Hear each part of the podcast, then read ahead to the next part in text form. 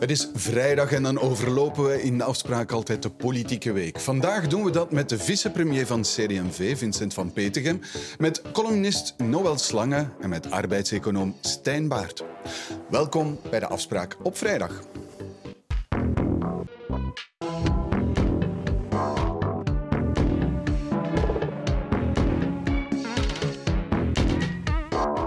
Goedenavond, Stijn Baart, arbeidseconoom aan de Gentse Universiteit.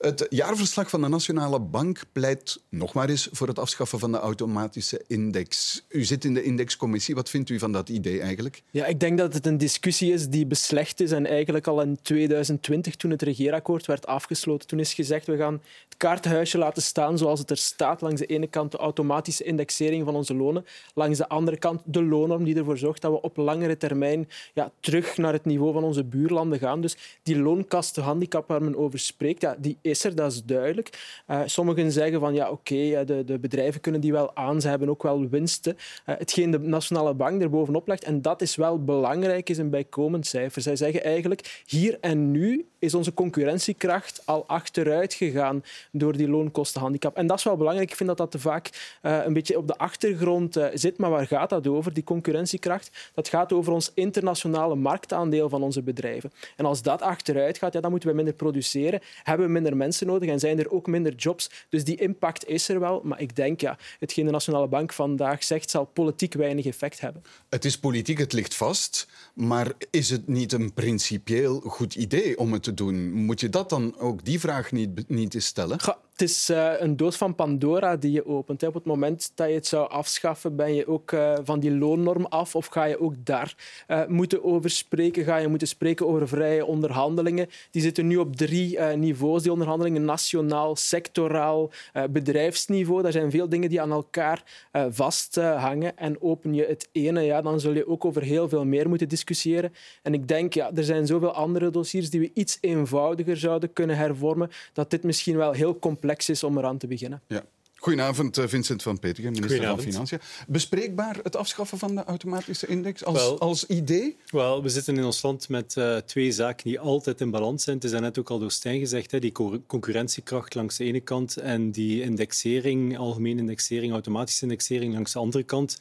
Dat evenwicht tussen ja, onze bedrijven en onze gezinnen, de koopkracht van de gezinnen, en langs de andere kant ja, zorgen dat die bedrijven ook zorgen voor werkgelegenheid en dergelijke meer, zit vervat natuurlijk in, in heel wat zaken. Ik denk ook wel vandaag dat we eerlijk moeten zijn dat die automatische indexering dat die toch wel voor wat, wat rust zorgt, hè, ook sociale rust. Als we vandaag kijken naar Nederland of naar Duitsland of naar Frankrijk, waar sommige sectoren uh, wekenlang stil liggen omwille van die loonsonderhandelingen, ja, dan zorgt die uh, indexering vandaag bij ons toch wel voor wat sociale rust. En trouwens ook voor ja, de, de koopkracht van de, van de mensen en dus ook de economie die ondersteund blijft. Ja, en ondanks die koopkracht die we door die indexering hebben gekregen, zegt de PS-voorzitter Paul Magnet over dat jaarverslag, ik citeer hem even, alles wat de winsten van de grote bedrijven doet toenemen, dat is goed. Alles wat de koopkracht, het welzijn en het pensioen van de gewone werknemer op niveau houdt, dat is slecht. Einde van mijn samenvatting. Ja, maar allee, er staan ook nog andere dingen in, de, in dat rapport die voor dus mij veel belangrijker zijn. Hij is eenzijdig in zijn beeld erop? Wel, ik denk dat dat uh, in ieder geval uh, niet de, de doelstelling is van een rapport van de Nationale Bank, dat daar uh, heel veel discussie over bestaat of, of, of zou gaan bestaan over of een politieke discussie op gang brengt. Wat voor mij vooral van belang was in dat rapport, was dat de staat van onze overheidsfinanciën, over de begrotingen, als we kijken wat, wat we daar kunnen aan doen, de hervormingen die noodzakelijk zijn om die begroting op midden- en lange termijn overeind te houden. Ja, dat is denk ik de, de, de politieke boodschap die vervat zat in, in dat dus rapport. En niet over die automatische indexering, zoals Stijn daarnet gezegd heeft. Daar is heel duidelijk over afgesproken in het regeerakkoord eh, aan die combinatie van langs de ene kant competitiviteit en koopkracht, loonnorm met een automatische indexering. Daar blijven, blijven af. Die zijn, eh, die zijn in balans. Dus de PS-voorzitter zou dit beter niet doen? Uh, ja, ik denk dat het uh, een, een, rapport is die de Nationale Bank in al zijn onafhankelijkheid opmaakt. En uh, dat het belangrijk is dat dat soort rapporten uiteraard ja. ook worden gemaakt. Ja, maar de PS-voorzitter zou het beter niet doen. Ik denk, dat, ik denk dat er beter geen kritiek komt op, op rapporten van instellingen zoals de Nationale Bank. Ja, goed. Noël Slange, ja, polarisering plotseling, politieke polarisering over het verslag van een adviesorgaan, een sociaal-economisch adviesorgaan. Niet goed, hoor ik de minister eigenlijk zeggen. Nee, maar de vraag is ook ook wel of het verstandig is vanuit de Nationale Bank. Het is duidelijk dat het een systeem is wat nogal gebricoleerd aan elkaar hangt en wat wel een hervorming zou mogen gebruiken. Maar je weet natuurlijk dat door dit soort uitspraken in dat uh, verslag te zetten, dat de kans dat er een gesprek gevoerd wordt veel kleiner wordt. Dus wat zegt u eigenlijk? Hij zou beter, de Nationale Bank zou beter zwijgen over de index, mocht u er iets aan willen veranderen? Of voor een hervorming pleit. Er is toch wel een fundamenteel verschil tussen een hervorming en uh, een afschaffing. Want zoals ook aangehaald, er zijn positieve elementen uh, in de indexering, maar er zijn ook een aantal nadelen. En men heeft dat wat gebricoleerd proberen op te lossen door de loonnormwet. Maar eigenlijk moeten we toegeven dat dat geen ideaal systeem is. Maar zoals in heel veel dossiers is het blijkbaar heel moeilijk om een systeem eigenlijk te herdenken. Ja, dus eigenlijk heeft de Nationale Bank een beetje gepolariseerd door die uitspraak. Ja, en ze heeft het debat niet vooruit geholpen. Goed. Er is al een paar keer geschermd, en dan gaan we naar de Vlaamse regering, met een deadline op druk te zetten op de Vlaamse ministers die een stikstofakkoord moeten bereiken. Maar tot nu toe zijn die deadlines nog nooit gehaald. En dus is er nog altijd geen akkoord. En om op hun beurt een uh, druk te zetten op de onderhandelaars, betoogden vandaag de boeren met 3000 tractoren in het Brusselse stadscentrum.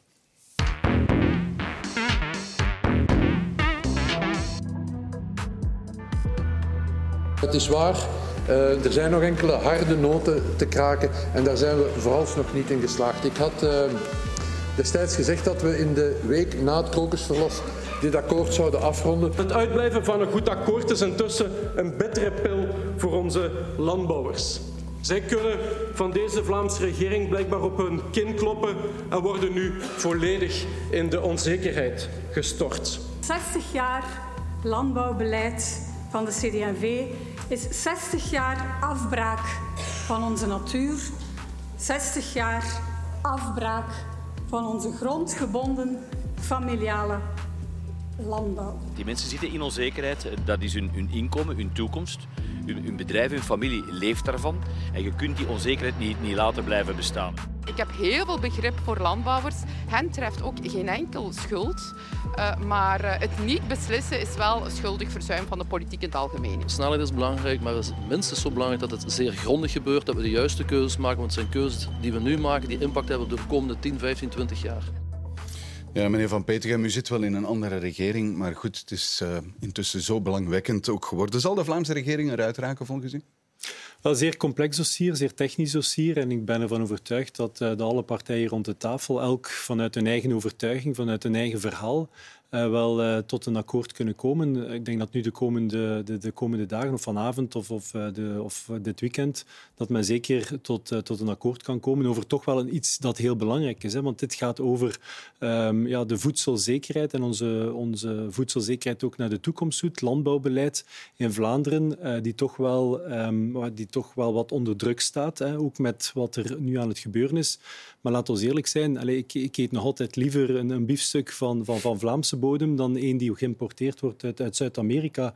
Dus ik denk dat we echt wel moeten beseffen dat dit, de discussie die nu wordt gevoerd, die nu gaat over de toekomst van, van, een, van een belangrijke sector voor ons land, de strategische sector, waar vandaag 3000 boeren voor uh, betoogd hebben, maar van die 3000 boeren waren er 1000 jonger dan 35, echte sector met nog toekomst, ja, dan denk ik dat het logisch is dat daar, uh, dat daar discussies over zijn. Maar dat is eigen aan democratie. Maar het is ook eigen aan democratie dat we tot akkoorden komen. Ja, waar, waarop zit het eigenlijk vast, uh, meneer Slangen? Er is geen gemeenschappelijke landbouwvisie of visie op het landbouwbeleid. Is het dat? Kan je dat zeggen? Ik denk dat het vooral vast zit op het feit dat het heel moeilijk is om uh, elkaar rond een aantal rationele dingen uh, te vinden, omdat CD&V zich eigenlijk een beetje ja, vastgeklonken heeft aan dat landbouwgegeven en vandaag eigenlijk het gevoel heeft van dat ze niets meer kan loslaten omdat iedere procent of iedere halve procent, want met zoveel zijn de boeren niet, dat dat uh, allemaal telt. Maar daardoor krijg je natuurlijk wel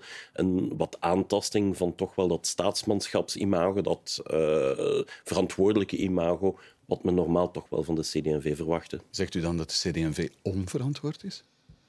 Uh, we kunnen er toch niet naast kijken dat een jaar geleden men uiteindelijk de principes heeft vastgelegd en dat uh, nu met Sami Media als nieuwe voorzitter dat alles eigenlijk opnieuw in vraag gesteld is. En uh, je voelt natuurlijk wel dat N-VA zijn rekening ook gemaakt heeft en gedacht heeft van kijk, we kunnen hier nu aan vasthouden, maar eigenlijk als wij ons nu wat verantwoordelijker zien, kunnen we misschien net op dat verantwoordelijkheidsdeel van de kiezers wat meer ja uh, inpikken. Ja, maar u was heel streng hè, voor de voorzitter. U heeft letterlijk gezegd, met het huidige parcours van die voorzitter Sami Meri zou zelfs zijn hond uh, Pamuk een betere voorzitter zijn. Ja, ik vond uh, destijds bij de verkiezing uh, Sami Medi de betere keuze tussen hem of uh, Joachim Koens. Maar ik moet eerlijk zeggen dat ik het sindsdien niet meer begrijp. En het parcours, daarmee bedoelt u ook hier in deze discussie rond de landbouw? Ja, omdat het een beetje een remake is eigenlijk van de kindergelddiscussie. en dan ook vooral de manier waarop er rond gecommuniceerd wordt. hij heeft zich ooit de Obama van de Aldi genoemd, maar dit is een beetje de Boucher van de Lidl. Ja, de Boucher van de Lidl staat die, die, dat parcours ter discussie in de partij. Ja, de partij dat beeld dat, man... dat, meneer Slangen nu schetst, leeft dat in de partij? De partij staat als één man achter, achter Sammy, maar ook achter Johan Hilde. En uh, die zijn samen die onderhandelingen... Jo, jo Broens. Jo, jo Broens, excuseer. Hilde, Hilde en Hilde Krevits. Ja, ik mag ze gelukkig met de voornaam aanspreken. ja, de kijker, maar, de kijker iets maar, uh, maar goed, in, in, ieder geval is het zo, daar ben ik niet van overtuigd, maar in ieder geval is het zo dat de, bij ons in de partij, dat iedereen ervan overtuigd is dat de keuzes die vandaag gemaakt worden in de discussie, dat we dat met, een, met overtuiging doen en dat we ook daarachter staan, achter, die, achter dat belang van die sector en ook achter het belang van, uh, van, die, van uh, de, die voedselzekerheid die we moeten hebben. En als u dan zegt van ja, een jaar geleden is er een afspraak gemaakt, maar nu dan is het ook logisch en dat is ook het proces dat doorlopen is. Er is op een bepaald moment een beslissing genomen. Die moet afgetoetst worden bij de bevolking. Daar zijn 20.000 bezwaarschriften op binnengekomen. Dan denk ik dat het ook niet meer dan logisch is dat die bezwaarschriften worden bekeken, dat de opmerkingen die in bezwaarschriften worden meegegeven, dat die ook worden meegenomen in de verdere discussies. En dat is exact wat we vandaag ook doen. Ten tweede is het ook zo dat als je vandaag kijkt naar wat er in Nederland gebeurd is, waar men eigenlijk in deze discussie een aantal jaren voor zit op ons en waar we nu zien dat een aantal zaken die ook in de, in de, in de besluitvorming stonden vorig jaar bij ons, dat die opnieuw ter discussie komen omdat men ziet dat het in Nederland niet werkt, ja, dan vind ik het echt niet onlogisch dat dat opnieuw ter, ter discussie dus komt en dat we dat gaan bespreken. een jaar geleden, want die 20.000 bezwaarschriften, ja, daar hebben jullie min of meer zelf voor opgeroepen. Oh, maar voor alle duidelijkheid, allee, er, er, er zijn pro andere projecten. Hè. Ook in Limburg is er ergens een pijpleiding waar dat er een paar honderden uh, bezwaarschriften zijn binnengekomen. En de bevoegde minister van Omgeving heeft gezegd we gaan dat over uh, de, de verkiezingen heen uh, gaan, gaan schuiven. U bedoelt en nu, dezelfde minister, Zoaldemir, minister van Omgeving. Ja, dus dezelfde, dezelfde persoon, minister. Dus ik vind het toch niet... Het is toch niet vreemd dat op een ogenblik dat er een mogelijkheid is dat, dat burgers mogen participeren en, en een opmerkingen mogen maken over een beslissing die genomen is, dat op dat ogenblik dat er rekening wordt gehouden met wat er daar gezegd wordt. Okay. Ik vind dat een normale het, gang van zaken in onze democratie. Het is, het is heel, heel erg wat uh, hier de boeren overkomt. En ik moet ook zeggen, het uh, stikstofdossier is een technisch heel ingewikkeld dossier, waarbij ik niet kan zeggen of jullie gelijk of ongelijk hebben. Het is eigenlijk vooral de manier waarop het aangepakt is en het feit, het, het is bijna een debatfiche, die voedselzekerheid die terugkomt, ja, dat slaat natuurlijk helemaal op niks in een Europese context. En gezien de productie die we vandaag maken, die toch eigenlijk voor een flink stuk ook voor export bestemd is. Ja, dat wou ik aan de, aan de econoom vragen. Hoe groot is de sector uh, eigenlijk nog op dit moment, economisch gezien? Wel, er is een belangrijk extra argument. Hè. Op zich, de sector, uh, u hebt gelijk, het gaat 3000 tractoren voor 23.000 landbouwbedrijven. Zet dat af ten opzichte van alle KMO's, dan zit het op 700.000. Ja, dat is een klein uh, stukje daarvan langs de andere kant. Onze economie is natuurlijk een ketting, waarbij die boeren die leveren aan fabrikanten en die maken daar andere dingen mee en die leveren dat dan naar, naar dus het buitenland. Dus een belangrijk onderdeel ja, van die ketting. Want bijvoorbeeld in heel Europa, één op de twee zakjes diepvriesgroenten die gegeten worden, die komen uit uh, West-Vlaanderen. Dus die komen via die boeren, via de producenten. Okay. En dus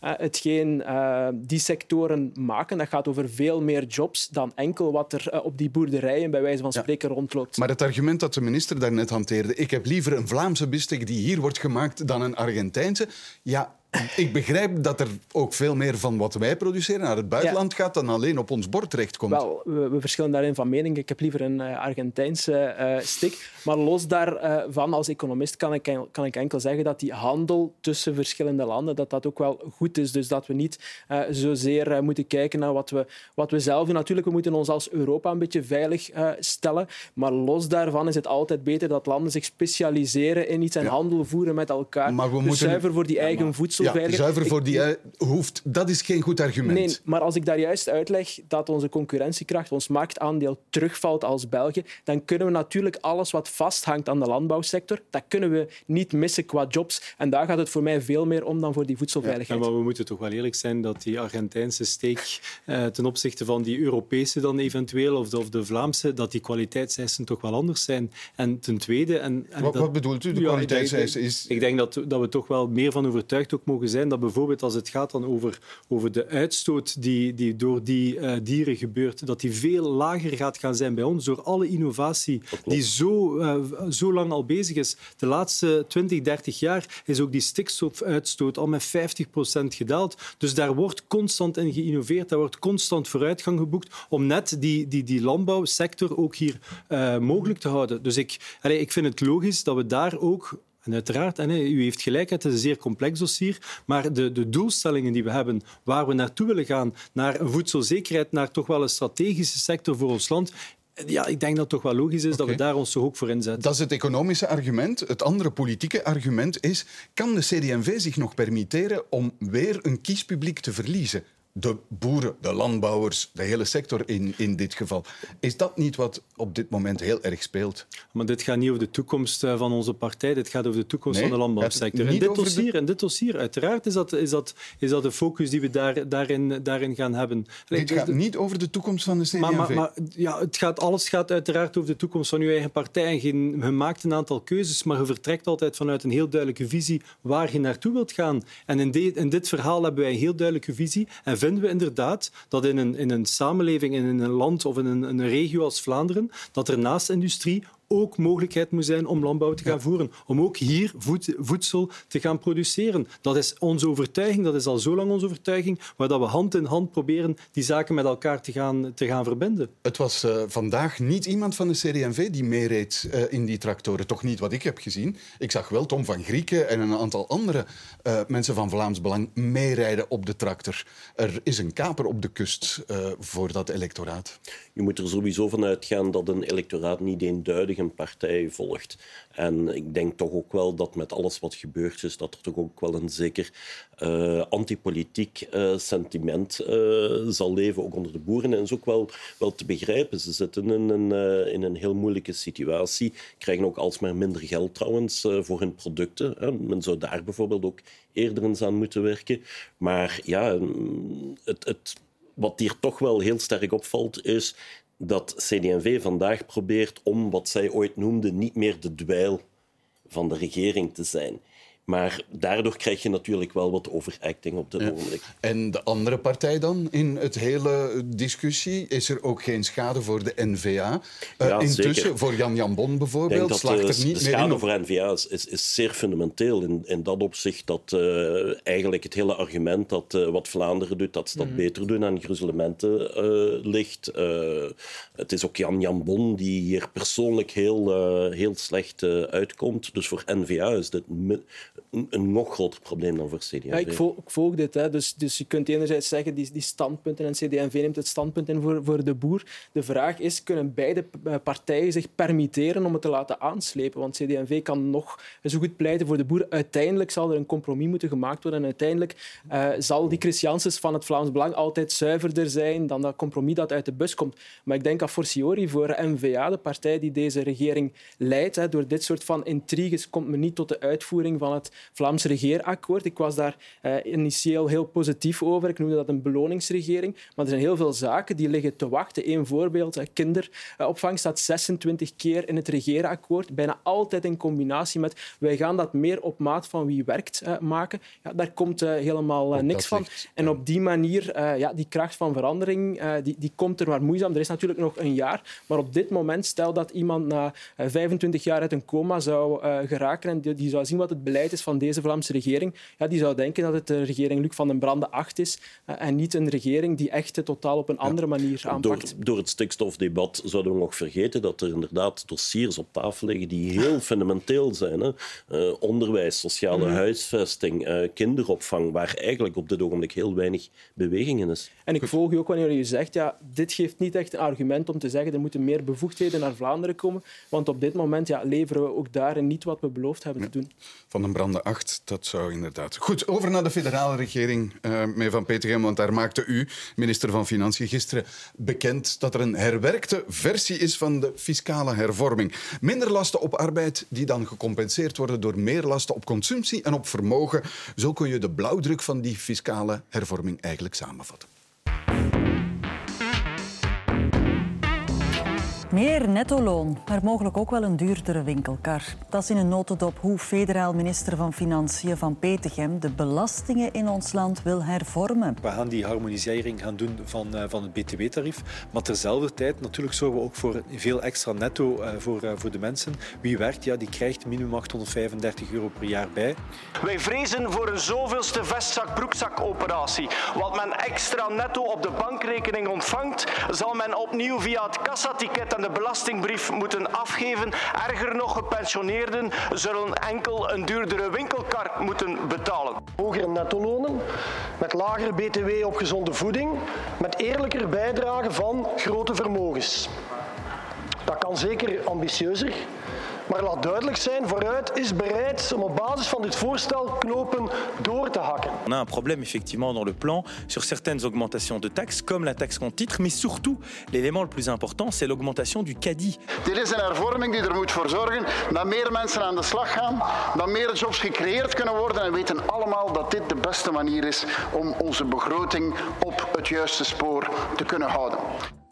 Meneer Van Petergem, is dat de essentie van uw fiscale hervorming? Meer mensen aan het werk? Ja, Wat de eerste uiteraard. minister zegt? Ja? Uiteraard, ja. Dat is al vanaf dag één de, de lijn die we ook aanhouden op het op fiscaal vlak. We proberen de lasten op arbeid naar beneden te halen. We proberen die te verschuiven naar, naar vermogen en naar, en naar consumptie en naar vervuiling. Ik denk dat dat de, de, de juiste keuze is. Ook wat alle mogelijke experten, onder andere ook Stijn, maar ook internationaal, OESO, IMF, eh, Europese Commissie, ons, ons vragen. En dan maken we, en dat vertalen we nu vandaag in, in, in, in ja, die eerste fase die we neerleggen met, met heel concrete wetteksten en die eigenlijk een, een vertaling is van ja, onze blauwdruk en zeker van de principes die we in onze blauwdruk hebben, uh, hebben uh, duidelijk gemaakt. En 835 euro per persoon werkende. Werkende, ja. Minder. Is dat voldoende om mensen aan het werk te krijgen? Ik ben ervan overtuigd dat uh, elke stimulans uh, en, en, dat we mensen echt kunnen motiveren, ook op, op die manier. Um, er wordt zo vaak gezegd dat dat verschil tussen werken en niet werken in ons land veel te klein is. Wat dit doet, is ervoor zorgen dat de werkenden minimaal 835 euro bijkrijgen. Als je zeer laag zit, ja, dan ga je zelf eigenlijk nog wat extra krijgen door de werkbonus. Die, die, die middenklasse, hè, die vandaag soms vaak twijfelt, ga ik wel wat meer gaan werken, want dan zit ik direct in die 50% schijf, die hoogste belastingsschijf. Want daar gaan we voor zorgen dat die, die schijf van 45%, dat dat plafond ook gaat, gaat uh, omhoog gaan naar 60.000 in plaats van vandaag 46.000 euro. Dat, dat stimuleert mensen, dat, dat geeft mensen duidelijk aan dat wij hen willen motiveren om naar die arbeidsmarkt te gaan of om meer te gaan werken. Goede blauwdruk, goede hervorming? Ja, ik denk waar het voor mij ook over gaat, is het volgende. Hè. De, de OESO die, die geeft elk jaar een, een cijfertje aan de landen waarin staat hoeveel van elke 100 euro die een baas betaalt voor een werknemer, hoeveel dat er meteen naar de schatkist gaat. En dan is dat bij ons 53 euro. De OESO bestaat uit meer dan 30 landen. We laten die allemaal uh, achter ons. Door hervormingen zoals uh, deze, en als ik het pakket samen bekijk, zouden wij van die 53 euro naar een 50 of misschien zelfs daaronder moeten geraken. En eigenlijk komt dan het tweede land in zicht. Het is niet dat we daarmee er zijn, hè, maar het gaat toch wat feller in de goede richting dan, dan wat eerder is gedacht. Echt heilige huisjes worden, daar- niet, ja. niet, worden nog altijd gerustgelaten. Hè? Daar ben ik het volledig mee, mee eens. Natuurlijk, ja, er moet ook een politiek eh, akkoord gesloten worden. Ik zou bijvoorbeeld graag gehad hebben dat salariswagens dat dat terug op tafel eh, kwam. Eh, dat er werd gekeken naar, naar tweede verblijven, dergelijke meer. Natuurlijk, ja, de minister moet iets op tafel leggen dat ook nog zijn coalitiepartners zou kunnen eh, bekoren. En dan denk ik dat dit is eigenlijk iets is dat niet naar een heel klein grootste gemene deler gaat, maar eigenlijk naar een klein kleinste gemeen veelvoud en dat eigenlijk verder springt dan wat men in oktober heeft afgesproken, namelijk een beperkte uh, daling van de lasten op arbeid, is dit toch een serieuzer voorstel. Vandaar dat ik er ook zeer uh, positief over was. Ja. En eindelijk is positief nieuws hè, uit de wedstrijd, want de reacties zijn behalve Georges-Louis Boucher, die lichtjes uh, protesteert, zijn eigenlijk positief. Ik denk ook dat dat het uh, waardevolle is uh, aan het voorstel, namelijk dat het een voorstel is dat een heel duidelijke filosofie bevat. Voor alle duidelijkheid ook een verschuiving eigenlijk hè, van de mhm. koopkracht eerder dan extra uh, koopkracht. Want maar, daar, is, daar is geen geld voor hè, op dit moment om echt Ja, dus het is niet zo dat men die 800 euro extra krijgt. Hè. Ze, wordt, ze mhm. verschuift eigenlijk naar... Het is een belasting op consumptie, maar het is een goede maatregel. En je voelt natuurlijk van, uh, dat Boucher de vis weer wilt uh, verdrinken. Terwijl ik nu denk dat het net eigenlijk is met kleine stappen te zetten dat men deze hervormingen moet aanpakken. Want dat is de enige manier waarop je voldoende draagt vlak hebt. En ook kunt vermijden dat je ineens een crash krijgt, namelijk dat je ergens een maatregel doet die, waar de tegenmaatregel dan blijft hangen. Bijvoorbeeld, je hebt het over de salariswagens, maar als je alleen maar de salariswagens aanpakt zonder een compensatie daarvoor, is het gewoon hmm. een extra belasting. Dus ik denk wel dat dit uh, waardevol is. Joshua Boucher zegt geen verhoging, verdubbeling is het geloof ik, van de tax op, ja. dus de effecten-tax. Uh, um, is, is dat een terechte uh, reactie? Ja, ik denk op zich dat die reactie terecht is in dat opzicht dat je idealiter naar een algemene vermogenswinstbelasting zou gaan, waardoor wat je verdient door wat je al gespaard hebt, dat dat in evenwicht is met wat je verdient doordat je gaat gaan werken en dat die twee elkaar een beetje raken. En dit is eigenlijk ja, een second best uh, oplossing. Nu, ik ben niet zo uh, optimistisch als, als meneer Slange in het algemeen, omdat op zich, wat meneer Boucher doet, maar eigenlijk ook de PS doet, is zeggen van die belastingen op consumptie, de winkelkar waar meneer Boucher het over heeft, dat gaan we niet doen. Daar zetten we een veto op. En dan moet u weten... En tel... Leg eens even uit de winkelkar. Daar gaat het over uh, een, een, BTW mm -hmm. die soms verminderd wordt, maar vaak ook verhoogd ja. wordt. Maar als je het allemaal samengooit, dan gaan we wel naar een totaalbedrag aan btw-inkomsten dat omhoog uh, gaat. Als ik het goed begrepen heb, ongeveer een derde uh, van de plannen moet daarmee betaald worden. Neem dat eruit. Neem die effectenbelasting eruit. Ja, en heel het spel uh, duikt in elkaar, want je hebt nog maar de helft van de ja. inkomsten die je bij arbeid gaat weghalen. Die terugverdieneffecten gaan er niet meer zijn en je hebt eigenlijk niks meer over. Dus het is niet zo dat meneer Boucher en de PS zeggen van die 70 aftrekken die men wil schrappen, we gaan dat naar 69 brengen. Een detail dus. Nee, het is echt fundamenteel waar dit akkoord uh, op zou moeten rusten, dat men hier in vraag stelt. Dus ik ben niet zo optimistisch over okay. die reacties. Wat zegt u dan tegen Georges-Louis Boucher? Hij is nog gematigd, maar uh, ja, het is wel essentieel, uh, maar, zijn protest. Maar opnieuw, alle partijen rond de tafel van de, van de regering zijn na twee jaar... ik heb al vanaf het begin van de regering gezegd, we moeten een fiscale hervorming doen. Nu denk ik dat alle partijen rond de tafel zeggen, er moet iets gebeuren. Die nettolonen die moeten naar omhoog. Maar als je natuurlijk gaat zeggen, ja, maar daar is er veto en daar is er veto en daar is er veto, ja, dan blijft er op het einde 0 euro verhoging maar over. Dat is de realiteit van deze regering. Je hebt zowel aan ja. de linkerzijde als aan de rechterzijde rode lijnen die getrokken worden. Maar vandaar ook dat uh, het voorstel dat op tafel komt, dat dat een, een evenwichtig verhaal is. Ook die btw-harmonisatie, voor alle duidelijkheid. Die btw-harmonisatie zorgt inderdaad voor het feit dat die tarieven van 6 en 12 procent worden geharmoniseerd naar 9. Maar we kiezen ook een aantal producten die naar 0 procent gaan. Groenten en fruit, luiers, openbaar vervoer. Van, uh, vandaag of gisteren stond er in het nieuwsblad een, een, een berekening hè, van, een, van een, een, winkelkar en wat het ticket was.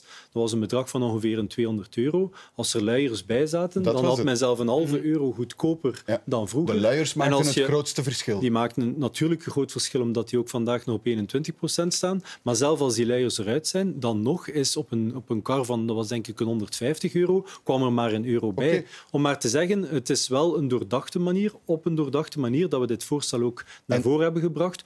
Ook, en dan nog misschien nog eventjes om duidelijk te maken, die 6% die vandaag voor gas en elektriciteit is, die behouden we ook op die 6%. Net omdat we weten dat dat uiteraard ook een gevoelig iets is. We hebben daar met verschillende partijen in de regering hard voor gestreden. En ik denk dat wat voor ligt, ook bij die btw-harmonisatie, zeer uh, evenwichtig is. Maar wat zegt u tegen Georges-Louis Boucher en tegen de PS en tegen Vooruit, want die hebben zich ook tegen die uh, btw-harmonisatie uh, gekeerd. Wat zegt u dan? Te nemen of te laten? Nee, maar ik zeg... Allez, of gaat voorstel... u dan toch nog opnieuw maar, maar... Gaan, gaan schipperen en hier wat afveilen, daar wat afveilen, met het, het voor... risico dat u het niet haalt? Het voorstel dat op tafel ligt is, is zeer evenwichtig. En inderdaad, langs de linkerzijde zal men zeggen dit en dit is niet goed. Langs de rechterzijde zal men zeggen dit en dit. Maar ik denk dat het logisch is. En als men kijkt naar wat de consequentie is, namelijk waar we eigenlijk aan willen werken, namelijk die lasten op arbeid naar beneden krijgen, ja, dan denk ik dat dat de, de, de, de reden moet zijn waarom dat men eindelijk eens uit zijn loopgave komt en durft zeggen van oké, dit is niet zo leuk voor ons, maar als we kijken naar waarom dat we het doen en wat de reden is om meer mensen naar die arbeidsmarkt te krijgen, om mensen meer netto-loon te geven, meer koopkracht, ja oké, we zijn dan bereid om dat maar dan die rekent u erop dat ze uit die loopgraven komen. Hè? Uh, uiteraard, maar ja, dat... en als ze het niet doen, kan u nog maar eens de vraag stellen. Maar Ja, dan? Maar goed, maar ja, het, zonder het voorstel ze hadden we sowieso niets. Hè. Dus het voorstel als- ligt nu op tafel. Als ze erin blijven, wat, wat doet u dan? Nog eens een voorstel indienen? We, we zullen het voorstel dat vandaag op tafel ligt, is een vertaling van de afspraken die we gemaakt hebben in de regering, die ook heel duidelijk zeggen dat deze legislatuur dat er nog iets gaat gebeuren met verlaging van de lasten op arbeid. Ja. En dus het voorstel ligt nu met alle wetteksten op tafel. Er is iets concreets. Men kan, ja, als, als men opmerkingen heeft, als er, als er vragen zijn om bepaalde dingen bij te zetten of uit te halen, die discussie wil ik gerust aangaan. Maar het is op basis van het voorstel dat vandaag op tafel ligt. De liberalen willen het over de volgende verkiezingen tillen. Waarom Ja. eigenlijk? Je, je moet ervan uitgaan, dit gaat niet op een slag en een zucht goedgekeurd worden. Dus het waardevolle zit hem in dat debat geopend is.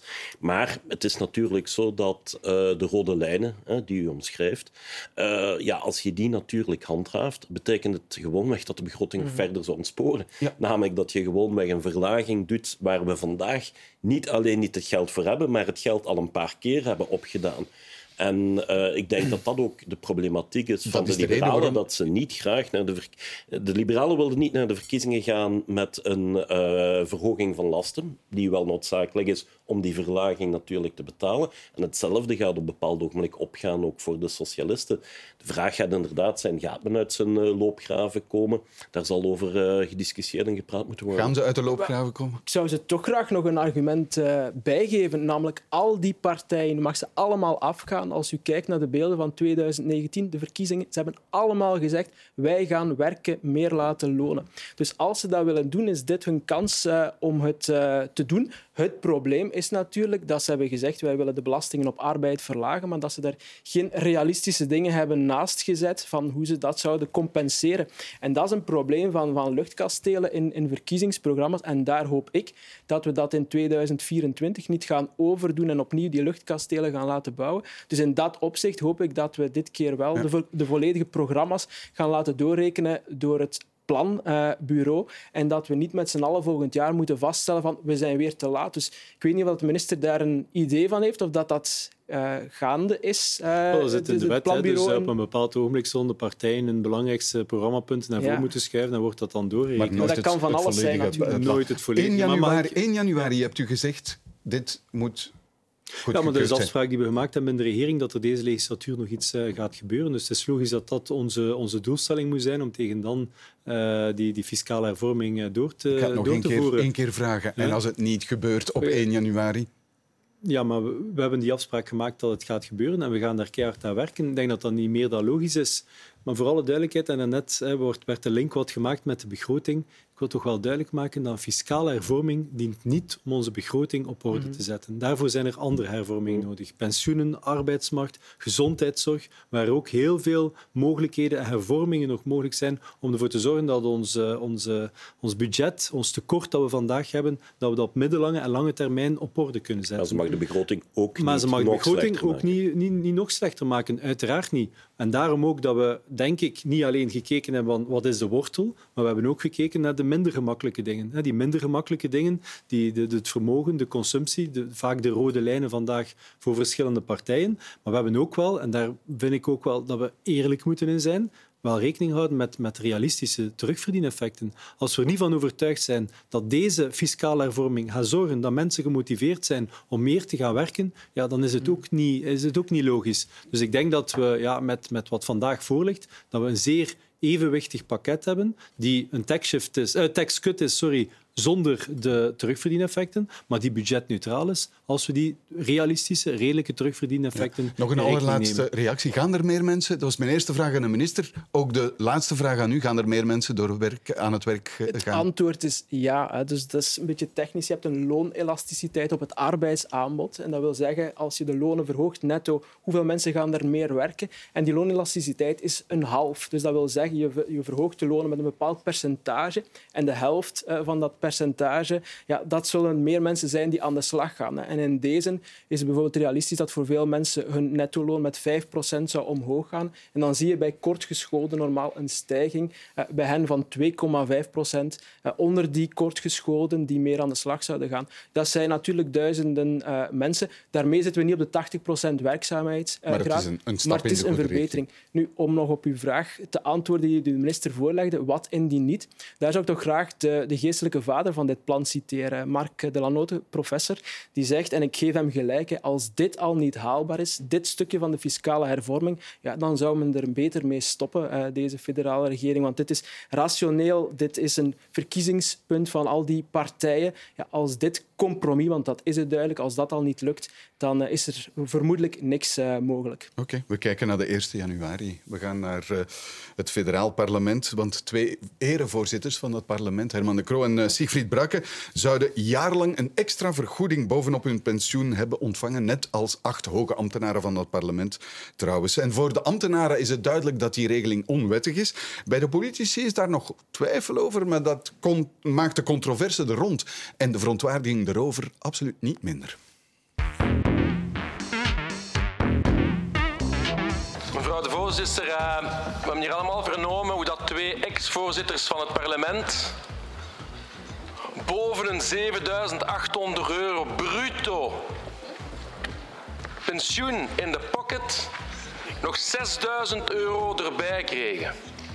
Als parlement, parlementsleden speciale functie uitvoeren, dan krijgen zij extra vergoeding.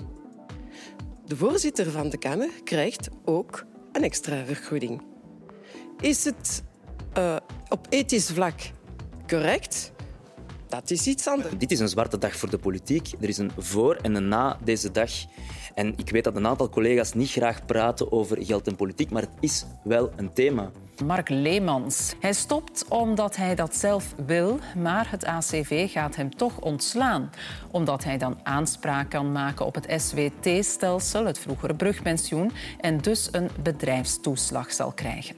Het systeem staat onder druk, wordt bediscussieerd. Ehm, dit lijkt bijna een provocatie van de vakbond. Ja, even over de regeling voor de politici, meneer Van Petegem, over de erekamervoorzitters. Vindt u dat oorbaar? Nee.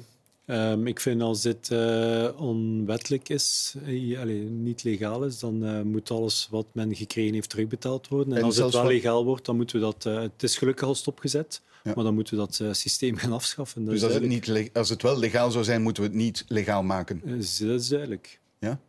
Want het gaat over behoorlijk hoge sommen. Wetende dat het maximumpensioen van de publieke pensioenen 7500, 7800 euro is, kwam er nog eens 6000 of 3000 euro bovenop. Voor mensen die met een gewoon normaal pensioen moeten Ja, ik denk, overleven. ik denk dat we daar geen, geen, geen twijfel moeten over hebben dat dat, dat dat niet logisch is, dat dat ook niet goed is voor het vertrouwen in, in, in de politiek. En als ik dan de, de betrokkenen hoor zeggen dat men het zelf niet wist dat men zoveel kreeg, ja, dan vraag ik me af waarom dat ze dan die, die bonus nog wel, wel kregen. Dus nee, dat is een systeem die niet, eh, die niet logisch is. En voor mij, allez, ik denk dat dat ook de, de, de beste manier zou zijn, moesten we dat statuut van een parlementair of zelfs van een minister koppelen aan dat van, van de hoogste ambtenaar in het land of van een, een ambtenarenpositie. Dat zou veel logischer zijn. Dan hebben we ook een, een veel, stabieler, ehm, veel stabieler statuut voor, eh, voor die parlementsleden. Maar wat, wat er gebeurt, ja, is langs de ene kant onbegrijpelijk en is langs de andere kant ook niet uit te leggen. En is zeker en vast niet goed voor, het, eh, voor het vertrouwen. Want er is een wet, hè? de wet Wijnings, Mhm. plafonering van de hoogste pensioenen. Is dit systeem een omzeiling van die wet? Ja, vermoedelijk wel. Hè. Dus die wet heeft duidelijk als bedoeling dat uw inkomen niet boven dat plafond gaat. Ja, het gaat er duidelijk wel boven. Men heeft twee uh, deeltjes uh, van dat inkomen van die mensen en samen gaan ze uh, erboven. Nu, ik vind persoonlijk dat twee dingen deze week zijn onderbelicht gebleven. Hè. Het eerste punt is, je hebt het systeem en, en je hebt de persoon die ervan van geniet. En in principe scheid je die twee. Zolang het systeem bestaat, misgun je het individu niet dat hij daarvan trekt. Nu, er is een zin in de standaard die mij heel sterk heeft heeft aangetrokken. En die zegt eigenlijk, het systeem is meer interessant geworden voor die Kamervoorzitters in 2003. Op het moment dat, dat Herman de Croo zelf eh, Kamervoorzitter was. Toen is dus het daar, dubbel zo voordelig ja, geworden. En daar ontstaat natuurlijk de indruk dat ja, men zichzelf uh, heeft laten bedienen. En ik vind, dat is een zware beschuldiging, uh, en dat men dat moet, uh, moet uitzoeken tweede punt is dat ik vind dat de commotie onder politici een beetje ja, selectieve verontwaardiging is. Omdat naast dit systeem, ja, het is een beetje een afgeleide van de uitredingsvergoeding, maar die uitredingsvergoeding die bestaat ook nog altijd. En die bedraagt, hè, hou u vast, hè, nog altijd maximaal 240.000 euro dat men krijgt wanneer men niet eh, herverkozen wordt. Dat is het maximale bedrag eh, vanzelfsprekend.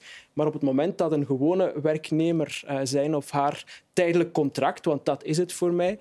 als dat stopgezet wordt, ja, dan heeft men gewoon recht op een werkloosheidsuitkering. En die terwijl... is vaak niet 240.000 euro. Hè? En er is nog een argument, namelijk ja, die valt weg, die werkloosheidsuitkering, op het moment dat je iets anders gaat doen. Terwijl de uitredingsvergoeding die valt te cumuleren met een aantal zaken. Dus als men hierover uh, verontwaardigd is, over die premie die een uitredingsvergoeding is, dan moet men ook wel eens kijken naar die volledige systemen van uitredingsvergoeding. En ik volg u, eh, meneer de vicepremier, als u zegt van eigenlijk zou het op maat eh, van een gewone werknemer of een gewone ambtenaar moeten zijn. En dit is niet het geval bij een gewone ambtenaar of werknemer. Je hebt het dan eh, juist zelf aangegeven. Het is nooit goed dat een, groep zelf moet bepalen over zijn eigen statuut. En dat is wat in het parlement en in de Senaat en in, in de Kamer vandaag gebeurt. Dus ja, het zou best zijn dat we dat daar ergens wegtrekken en dat we dat koppelen aan, aan een ander statuut waar we zelf ook geen, mm -hmm. geen impact exact. op hebben. Terug, terugbetalen, is dat de, het is stopgezet en bij, bij de politici in onderzoek, maar is de consequentie dan niet voor iedereen terugbetalen? Ja, mijn vraag is dan, gaat men dat ook aan die acht ambtenaren uh, vragen die, waarvoor hetzelfde geldt? Want u zegt van, men zou dat eigenlijk moeten koppelen aan een systeem zoals van een ambtenaar. Maar hier in dit geval is het een gekoppeld systeem. Namelijk ook met uh, acht andere ambtenaren. Ik denk dat puur moreel uh, omdat ik denk dat nog Herman de Croo, nog Siegfried Brakke uh, honger lijden, uh, zou men dat gewoon moeten terugbetalen. Of, of dat nu rechtsgeldig is of niet. want ethisch, hadden, hadden ze dat niet beter spontaan al gezegd en toegezegd? Ja, dat, dat zou beter zijn. Maar ik volg ook wel hetgeen wat Stijn net zei. Men moet ook het geheel eens uh, durven bekijken. Uh, politici moeten geen gelofte van armoede afleggen. Ik vind dat een politicus in functie mag gerust meer hebben, maar dat men nu eens stopt met al die uitzonderingen, die extra's en die dingen in de schaduw. zoals een onkostenvergoeding die eh, onbelast, die geen enkele werknemer gewoon kan hebben, die uitredingsvergoeding, eh, bepaalde voordelen in de ziekteverzekering en weet ik veel wat die anderen niet hebben. Namelijk zorg gewoonweg voor een loon waar alles in zit. Mm -hmm. En al die andere, ook toeslagen voor kwestoren, ik kan nog een tijdje doorgaan, dat al die extra's eigenlijk worden afgeschaft. Ja. Vindt u dat um, de politici het terug moeten betalen?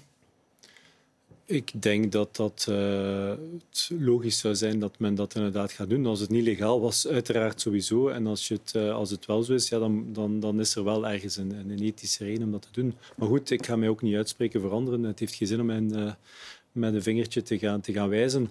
Maar opnieuw... Nee, maar je vraagt aan iemand die in ongeveer een vergelijkbare situatie zit of u vindt dat, dat is een moreel oordeel? Dat is een moreel oordeel die op basis van mijn eigen moreel kompas zou zijn. En dan zou ik inderdaad zeggen, ja, dan betaalt je dat terug. Ik ben ervan overtuigd dat, uh, dat de twee politici niet, en ook die ambtenaren niet wisten dat het systeem op die manier juist uh, uh, gebeurde. Maar langs de andere kant, ja, als je vandaag ziet in welke situatie ze zitten en welke discussie dat, dat teweeg brengt, dan zou dat niet onverstandig zijn. Ja, want bij sociale fraude is het simpel. Hè? Mensen worden heel snel veroordeeld om hun werkloosheidsuitkering die ze onterecht hebben gekregen of ja, maar, dubbel hebben gekregen. Maar voor alle, duidelijkheid, meteen... voor alle duidelijkheid, het gaat hier niet om fraude. Het gaat hier over een systeem die zijn we, daar zeker, zijn we daar zeker over?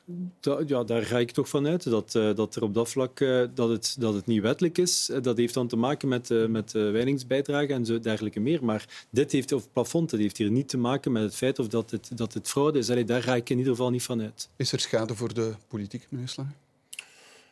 Ja, maar ik zou toch niet onderschatten hoe de schade daarvoor al was. Ik bedoel, dit ligt eigenlijk in de lijn van wat uh, heel veel mensen vandaag vinden van de politiek en ook in het verleden uh, vonden. Dit is eerder dubbel op dan ja. dat het een feit en is. Herman de Croo, leidt dat dan naar schade bij Alexander de Croo, bij de eerste minister? Of mogen we zover niet gaan? Dat kun je op dit ogenblik eigenlijk uh, niet weten. Dat ligt er bijvoorbeeld aan hoe gaat bijvoorbeeld Alexander de Croo hierop reageren. Dat is bijvoorbeeld ook een belangrijke vraag. Gaat hij hier gaat hij vinden dat het moet terugbetaald worden of gaat hij net uh, de regeling verdedigen? Dat is nog een vraag. Hè? Ja. Um, meneer Baert, want intussen hebben we deze regeling uh, besproken. Maar er is nog iets gebeurd uh, deze week. Namelijk Mark Leemans van het ACV kondigt aan dat hij in het SWT stapt. Mm. Leg eerst eens even uit, wat is het SWT eigenlijk? Ja, SWT staat voor het stelsel van werkloosheid met toeslag, met bedrijfstoeslag. Dat wil zeggen, als je op een bepaalde leeftijd je job verliest, eigenlijk ontslagen wordt als de voorwaarde, dan krijg je niet alleen een werkloosheidsuitkering, maar dan krijg je door dat systeem een toeslag die ervoor zorgt dat jouw inkomen, jouw levensstandaard eigenlijk op het niveau is ongeveer uh, van, uh, van jouw loon. Dat is een manier om te compenseren voor het feit dat op die latere leeftijd dat het heel moeilijk ja. is om nog een nieuwe baan te vinden. En had uh, meneer Leemans geen enkel ander alternatief dan deze, dan, dan die SWT? Wel, dat is vermoedelijk het probleem. Hè. De vakbonden uh, zeggen, uh, zeggen heel vaak van bedrijven uh, u moet oudere werknemers er niet uitduwen. U moet hen een andere rol geven. U moet hen een meer coachende rol geven. Ik denk iemand als Mark Leemans met, met zijn ervaring zou zich nog wel ten dienste van de onderneming ja. hebben kunnen... en, en vervroegd pensioen Ja, wat is, ook een optie, is ook een optie geweest. in principe zit hij daar op een bepaald moment ook, ook kort bij. Ik denk dat het hier een, een soort van optimalisatie is geweest. En dat is natuurlijk de analogie met het verhaal van daarnet. Hè, dat men ja. de sleutel van de sociale zekerheid neemt en daar uh, daarvoor een stuk uh, als vakbond, maar ook als, als politici soms eruit haalt wat men denkt toe te komen, wat eigenlijk aan niemand kan uitgelegd worden. En aan, aan u dezelfde vraag. Is dit, on, is dit onwettig? Wel, het is volgens mij uh, zeker niet de bedoeling, omdat uh, de voorwaarde, en ik heb ze daar juist uh, vernoemd, is ontslag. Dat wil zeggen, je wordt aan de deur gezet, je kunt daar niks aan doen. En dan is er dat vangnet van die sociale zekerheid, dat SWT, dat brugpensioen van vroeger. Waar het hier lijkt om te gaan, is een onderling overleg, waarbij werkgever en werknemer zeggen van ja, misschien moeten we hiermee stoppen. Ik, ik, ik, vind u een beetje duur, werknemer. en misschien die werknemer zelf die wil liever de arbeidsmarkt verlaten. Zij sluiten een akkoord en zij activeren het SWT. En daarvoor is het niet bedoeld. Het is bedoeld voor mensen die volledig buiten hun wil hun, hun baan ja, verliezen. Maar op zich is het niet onwettig. Wel, ik, vind, ik denk het wel, hè, omdat men, men stelt iets voor als een ontslag, wat geen ontslag is. Dus uh, men, uh, men, maakt eigenlijk uh, misbruik van, van, de, van de situatie en men, men, gebruikt het oneigenlijk. Dus op het moment dat je doet alsof iets een ontslag is, maar het is dat niet, ja, dan is dat natuurlijk onwettig. Ja. Kan je dat terugvorderen? Daar is een, een, een, onderzoek dat de RVA zou instellen. Nu, ze nemen al een beetje gas terug. Het is moeilijk om dat natuurlijk te bewijzen. Op dit moment heeft het ACV een communicatie bijgesteld. Zij zeggen dit is wel uh, ontslag. Wij zetten meneer Leemans uh, aan de deur. Ja, en natuurlijk op papier uh, is, het, is het dan ook ja. wel een ontslag. Ja, meneer Van Petergem, vroeger zei men ACW'er. Uh, debeweging.net maakt u deel van uit. ACV maakt daar ook deel van uit. Uw moreel kompas was streng voor de politici. Wat zegt uw moreel kompas over deze praktijk van iemand van de vakbonden? Well, ik denk dat de vakbond heeft de voorbeeldfunctie en dat SWT dient niet daarvoor. Ik denk dat we, dat, dat, dat, dat duidelijk is. En, en voor alle duidelijkheid, uh, als het gaat over ja, wordt dat vandaag vaak gebruikt of niet? Ja, ik denk dat het antwoord daarop is gelukkig wordt het steeds minder en minder gebruikt. Maar de situaties waarbij dat een bepaald bedrijf in een situatie zit van ja goed, gaan we iemand nog houden of niet? Uh, ook bij de, bij de persoon zelf die twijfelt, ga ik nog wel verder werken? Ik denk dat daar af en toe wel gebeurt wat er hier nu ook gebeurt. En dus we moeten kijken op welke manier dat we dat systeem dat dat niet meer mogelijk, uh, mogelijk ja. gaat zijn.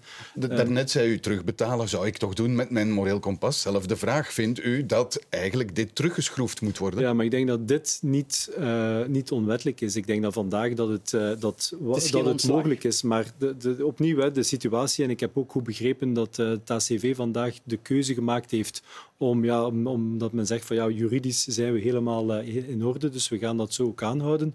Wat het in ieder geval positief aan, aan deze discussie is, is dat door het feit dat dat vandaag gebruikt wordt door, uh, door meneer Leemans, dat er hele discussie is ontstaan over het SWT mm -hmm. en over het eventueel uitdoven van het SWT. Want laat ons eerlijk zijn, Allee, ook onze partij focust daar heel sterk op. Die 60-plussers die hebben nog een rol te spelen op de arbeidsmarkt. Die hebben expertise, die hebben ervaring. Ik ben vorige week bij Duo for a Job geweest in Gent, waar, waar um, jonge mensen met migratieachtergrond op zoek zijn naar een job en daarvoor gebruik maken van de expertise, de, de kennis van mensen die net gepensioneerd zijn. Daar zitten CEO's bij, daar zitten mensen bij die hoge functies gehad hebben in, in, in een bedrijf en die eigenlijk die jonge mensen, die zeer moeilijk op die arbeidsmarkt komen vandaag, meehelpen om hen naar die arbeidsmarkt toe te leiden. Dat is exact waar, waar die, die 60-plussers vandaag nog een heel belangrijke rol spelen. Hun ervaring, hun expertise delen op die arbeidsmarkt. Is de minister nu uh, milder voor de vakbonden dan voor zijn Kamerleden